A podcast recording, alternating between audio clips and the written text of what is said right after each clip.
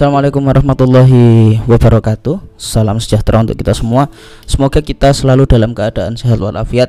Sehingga kita bisa bertemu lagi Dalam diskusi kali ini uh, Membahas terkait dengan lanjutan dari Tradisi Individu atau pelaku komunikasi uh, Dari ragam tradisi sosiokultural dan juga tradisi kritis Kemarin kita berdiskusi banyak terkait dengan sibernetika dan juga sosiopsikologi. Bagaimana kedua tradisi itu memiliki pengaruh yang memang cukup besar di dalam kajian-kajian ilmu komunikasi, terutama tradisi pelaku. Nah, jika kemarin itu berbicara mulai dari individunya yang memiliki pengaruh, maka eh, dari dalam diri maksudnya maka di sini kita akan berbicara dari segi apakah lingkungan itu juga memiliki pengaruh terhadap bagaimana orang itu mendefinisikan dirinya, memiliki label dan sebagainya dan bagaimana dia cara dia berkomunikasi misalnya. Ada beberapa teori misalnya dari tradisi sosiopsikologi sosiopsikologi yang berbicara dari sifat bawaan dan juga biologi. Namun di dalam tradisi uh, sosiokultural ini lebih banyak pada diskusi terkait dengan uh, bagaimana lingkungan sosial itu mempengaruhi perilaku kita. Contohnya gini, kita terkadang berbicara X, ya toh, tidak berbicara Y, padahal yang benar adalah Y karena kita sungkan terhadap orang ketika kita berbicara Y orang itu akan memusuhi kita. Nah itu yang itu yang uh, menjadi fokus kajian dari tradisi uh, pelaku ini. Nah uh, kalau di dalam tradisi sosio kultural itu berbicara tentang mulai dari simbol interaksi simbol atau bagaimana simbol itu bekerja uh, teori interaksi simbolik, teori konstruktivisme dan yang menarik bagi saya yang sering menjadi kajian saya adalah teorinya Eving Goffman tentang dramaturgi. Tidak ada masalah di situ uh, terkait dengan dua konsep teori tadi. Nah, yang menjadi problematika pada pertemuan kita kali ini adalah uh, apakah teori-teori itu mampu bekerja di dalam konteks ruang komunikasi di saat ini, maksudnya di era digital. Tentu, sebagai contoh ya, ini saya hanya akan memberikan materi pengayaan dari uh, diskusi teman-teman. Sekedar contoh, saya ambil satu teori kalau teori interaksi simbolik itu berbicara tentang bagaimana kita mendefinisikan simbol, simbol tertentu sesuai dengan apa in, uh, intervensi maupun dengan hal, segala macam hal yang masuk di dalam masyarakat. Maksudnya dia mengenai cara berpikir dan juga menginterpretasikan pikiran. Nah, tokoh uh, teori interaksionalisme simbolik ini adalah George Habermas. Dipandang bahwa pembangun paham interaksi ini mengajarkan bahwa makna muncul sebagai hasil interaksi antara manusia baik secara verbal maupun nonverbal melalui aksi respon yang terjadi. Nah, sekedar contoh, ketika kita terbiasa berdialektika di lingkungan uh, digital, kita hanya akan melihat segala sesuatu dari lingkungan digital. Teman-teman mungkin tidak tahu uh, apakah di daerah Sumeneb itu masyarakatnya semua pakai handphone semua. Oh tidak. Ternyata di masa di daerah Sumeneb masyarakatnya ada seorang guru itu yang datang untuk menyambangi setiap kelas rumah-rumah uh, anak di dalam anak didiknya dalam satu kelas itu karena banyak anak didiknya yang tidak memiliki handphone untuk melakukan sekolah online. Maka di dalam lingkungan masyarakat digital hal tersebut tidak akan dimakan, tidak akan ditangkap. Itulah kesalahan eh, kemarin ada kebijakan tentang Gojek itu mendapat preferensi uh, khusus misalnya dia bebas BBM atau bebas apa di beberapa daerah itu saya juga tidak membicarakan detail. Oh, itu karena mereka hanya berinteraksinya di lingkungan digital tidak tidak di masyarakat real. Nah itulah interaksi simbolik. Interaksi simbolik itu ketika kita melakukan interaksi kita akan menerima simbol-simbol itu dan simbol-simbol itu yang membingkai pikiran kita. Nah, itu salah satunya. Lalu ada tentang teori uh, yang menarik juga adalah teori Irving Goffman tentang teori dramaturgi. Nah, salah satu konsep besar dari teori dramaturgi itu uh, ada salah satu konsepnya tentang negosiasi identitas dan negosiasi wajahnya Stella Tingtumi. Cuman itu lebih masuk nanti tradisinya tradisi eh, tradisi-tradisi sosiokultural uh, tentang tradisi budaya nanti lebih banyak di sana tentang komunikasi budaya.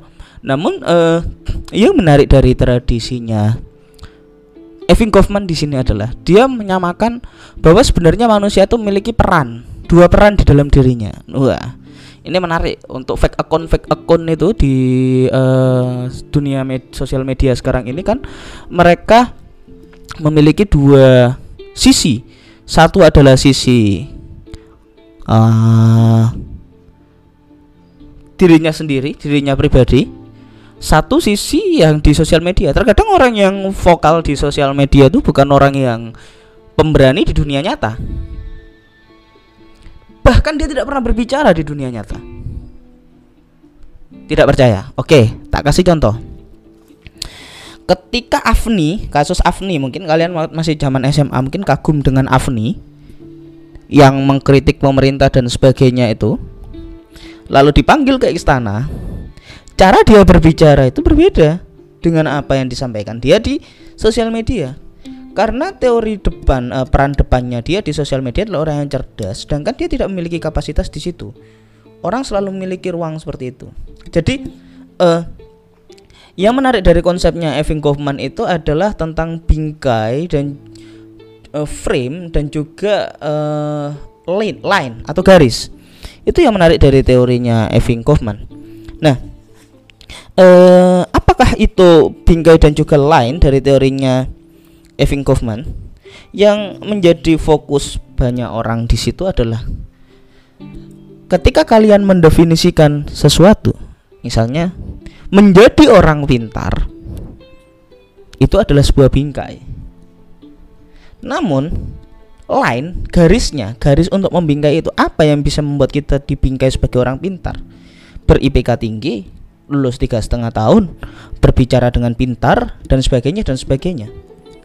Namun apakah itu menggambarkan diri kita? Nah yang untuk melihat sesuatu yang di dalam itulah yang akan menggambarkan diri kita. Misalnya sebenarnya saya ini bukan orang pintar tapi saya ini orang cerdas misalnya. Saya tidak mau misalnya IPK 3,5 cuman uh, lulus nggak dapat pekerjaan. Atau misalnya saya IPK IPK di atas 3,5 tapi saya tidak paham teori. Lebih baik saya IPK 2,7 saya bikin emosi dosen tapi saya paling nggak ada yang saya dapat di situ. Tidak ada masalah daripada saya menjadi penjilat dosen IPK tinggi dan lain-lain. Nah itu merupakan peran depan dan peran belakang yang saling beradu. Oke mungkin agak susah ya. Uh, saya kasih uh, contoh uh, di sini contoh yang paling uh, simple adalah ketika teman-teman membuka lemari uh, membuk mengambil air misalnya. Mengambil air itu sebuah bingkai lalu garisnya itu adalah mengambil gelas diletakkan di bawah dispenser air turun mengisi gelas lalu teman-teman minum. Nah itu itu prosesnya. Sama ketika bingkai kalian adalah orang pintar di hadapan orang lain maka frame-nya adalah satu IPK tinggi. Uh, tidak pernah bermasalah dengan dosen. Dan sebagainya dan sebagainya. Itulah dramaturgi yang ada di dalam kehidupan manusia. Manusia pada dasarnya selalu berdramaturgi. Dia selalu memiliki uh, sisi depan dan sisi belakang yang berbeda-beda di antara satu orang dengan orang yang lain. Bahkan diri kalian terkadang kalian pernah dengar istilah membohongi diri sendiri ya itu karena kalian tidak menjadi diri kalian sendiri di dalam konteks berkomunikasi misalnya. Sebenarnya kalian orang yang uraan dan tidak bisa diatur tapi karena ada etika norma sosial di masyarakat, kalian membentuk diri kalian frame itu menjadi seperti itu. Itulah yang disebut dengan teori bingkai dirinya Evin Kaufman. Nah, Evin Kaufman ini terinspirasi dari teater-teater yang ada di Amerika bahwasanya banyak sekali orang-orang yang ada di uh, Amerika uh, di sini tidak memiliki preferensi khusus terkait dengan apakah dirinya itu paham terhadap perannya. Dia hanya menjalankan skenario. Maksudnya di sini dia menjadi seorang TNI, tentara misalnya. Kalau di Amerika menjadi US Army misalnya di teater-teaternya itu. Sedangkan sebenarnya dia orang yang membenci militer. Nah, ini menjadi hal yang menarik menjadi sebuah kajian yang menarik. Seperti contohnya orang yang terbiasa ngomong ngawur di sosial media itu belum tentu dia ketika kalian ajak berdiskusi secara langsung adalah orang yang enak untuk berbicara. Karena di depan, nah di sosial media, teori peran depan tadi itu, dia membingkai dirinya menjadi seorang yang sangat pintar, menjadi orang yang sangat dinikmati diskusinya dengan masyarakat, tetapi dia tidak melatih kapasitas komunikasi personalnya ketika diajak berdiskusi langsung. Itu menjadi problem di era digital saat ini. Banyak orang yang berani keluar-keluar di sosial media, tetapi dia tidak berbicara berani berbicara langsung ketika diajak untuk debat terbuka atau diajak untuk berdiskusi. Nah, itu menjadi problem. Itu menjadi problem yang mungkin akan kita kaji. Bahwa semua manusia memiliki konsep itu. Lalu ada selain itu tadi masuk tradisi sosiokultural, kita akan masuk ke dalam tradisi kritis. Nah, apa pernah teman-teman itu memiliki konsep politik identitas? Nah, di situ di dalam tradisi kritis itu memiliki dua paling tidak dua teori, yakni teori pandangan atau standpoint dan juga teori identitas atau identity teori. Identity itu tidak ternyata kalau kita tahu dia tidak di dia tidak muncul dari langit. Ternyata identity itu dibentuk atau terbentuk. Ah seperti simbolnya gini saja lah teman-teman ketika misalnya menjadi orang yang oposisi terhadap pemerintahan ketika oposisi terhadap pemerintahan itu eh apa yang harus dilakukan agar menjadi oposisi terhadap pemerintahan? Nah yang ketika menjadi oposisi dalam pemerintahan yang harus dilakukan satu adalah teman-teman harus melakukan apa itu protes paling tidak yang membuat teman-teman seolah bukan bagian dari kami bukan golongan kami kalau kata muslim dan juga coki seperti anak-anak stand up itu itu seolah-olah dibentuk dan memang terbentuk dalam karena interaksi itu dan itu menjadi label identitas kalian. Jadi teori identity ini teori-teori kritis. Nah, misalnya ketika kita beridentitas, kita mendapatkan preferensi sebagai pelaku komunikasi yang mungkin akan didengar berbeda dengan orang lain ini akan menjadi problem dalam kajian-kajian komunikasi nanti ke depan. Ketika misalnya uh, kalian dari perguruan tinggi Muhammadiyah mau meneliti warga Nahdiyin sudah dari identitas kalian sebagai warga Muhammadiyah saja saya yakin tidak banyak warga Nahdiyin yang berani terbuka dengan kalian. Karena kalian sudah membawa identitas Muhammadiyah. Politik identitas seperti itu. Uh, agak kejam memang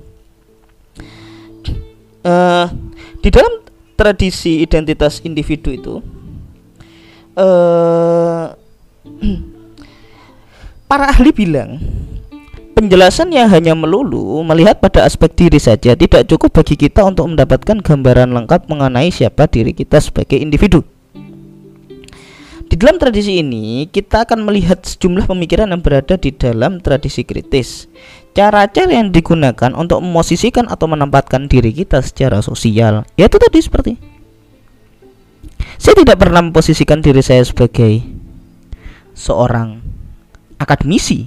Nah, ini merupakan saya melatih diri saya untuk standpoint di dalam uh, konsep ini, teori pandangan agar orang memandang saya seperti apa saya memposisikan diri saya seperti itu. Kenapa? Ketika saya sudah dianggap sebagai seorang dosen, tentu teman-teman mungkin akan susah ketika berdiskusi dengan saya. Akan sungkan. Tapi kalau saya memposisikan diri saya hanya kakak kelas kalian, mahasiswa kalian, kalian mau ngobrol ngalor ngidur termasuk selebor-seleboran pun tidak sungkan. Itu yang menjadi concern di dalam uh, kajian teori ini sehingga yang dapat kita ambil di dalam uh, dua konsep ini adalah bahwasanya yang mempengaruhi proses komunikasi seseorang itu bukan hanya dari sisi individunya saja.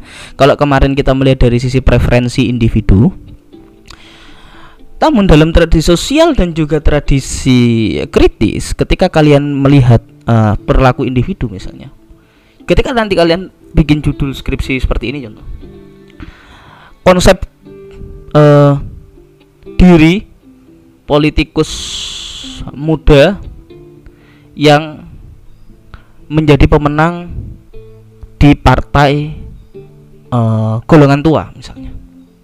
Nah, itu kalian sudah pakai teori identity? Paling tidak. Atau bisa dilihat dari teori depannya dari teori dramaturgi. Ketika dia memposisikan diri sebagai seorang yang uh, politikus muda dan dia sebagai seorang yang murid dari orang-orang tua itu tadi. Atau misalnya konsep kalian mau meneliti uh, uh, kapasitas saya mungkin uh, konsep diri uh, dosen yang tidak pernah mau memakai atribut dosen. Wah itu belum ada. Jadi saya apakah teman-teman pernah melihat saya memakai atribut dosen? Misalnya pakai celana kain jeans uh, lalu pakai pantofel dan juga seperti itu. Jarang sekali nah itu mungkin kalian bisa meneliti apakah saya memang membentuk diri saya seperti itu apakah tidak? Nah, itu bisa menjadi kajian. Jadi jika kemarin saya memberikan closing statement jangan melihat siapa yang berbicara tapi lihat apa yang dibicarakan di materi kali ini saya akan memberikan closing statement bahwasanya jadilah orang yang bisa memposisikan diri kalian untuk diterima di kondisi sosial mana pun. Yang pertama sehingga kalian akan menjadi seorang komunikator yang efektif di segala macam bidang. Oke, mungkin saja yang bisa saya sampaikan uh, dalam podcast kita kali ini. Kurang lebihnya mohon maaf. Bila hitafiq wal hidayah. Assalamualaikum warahmatullahi wabarakatuh.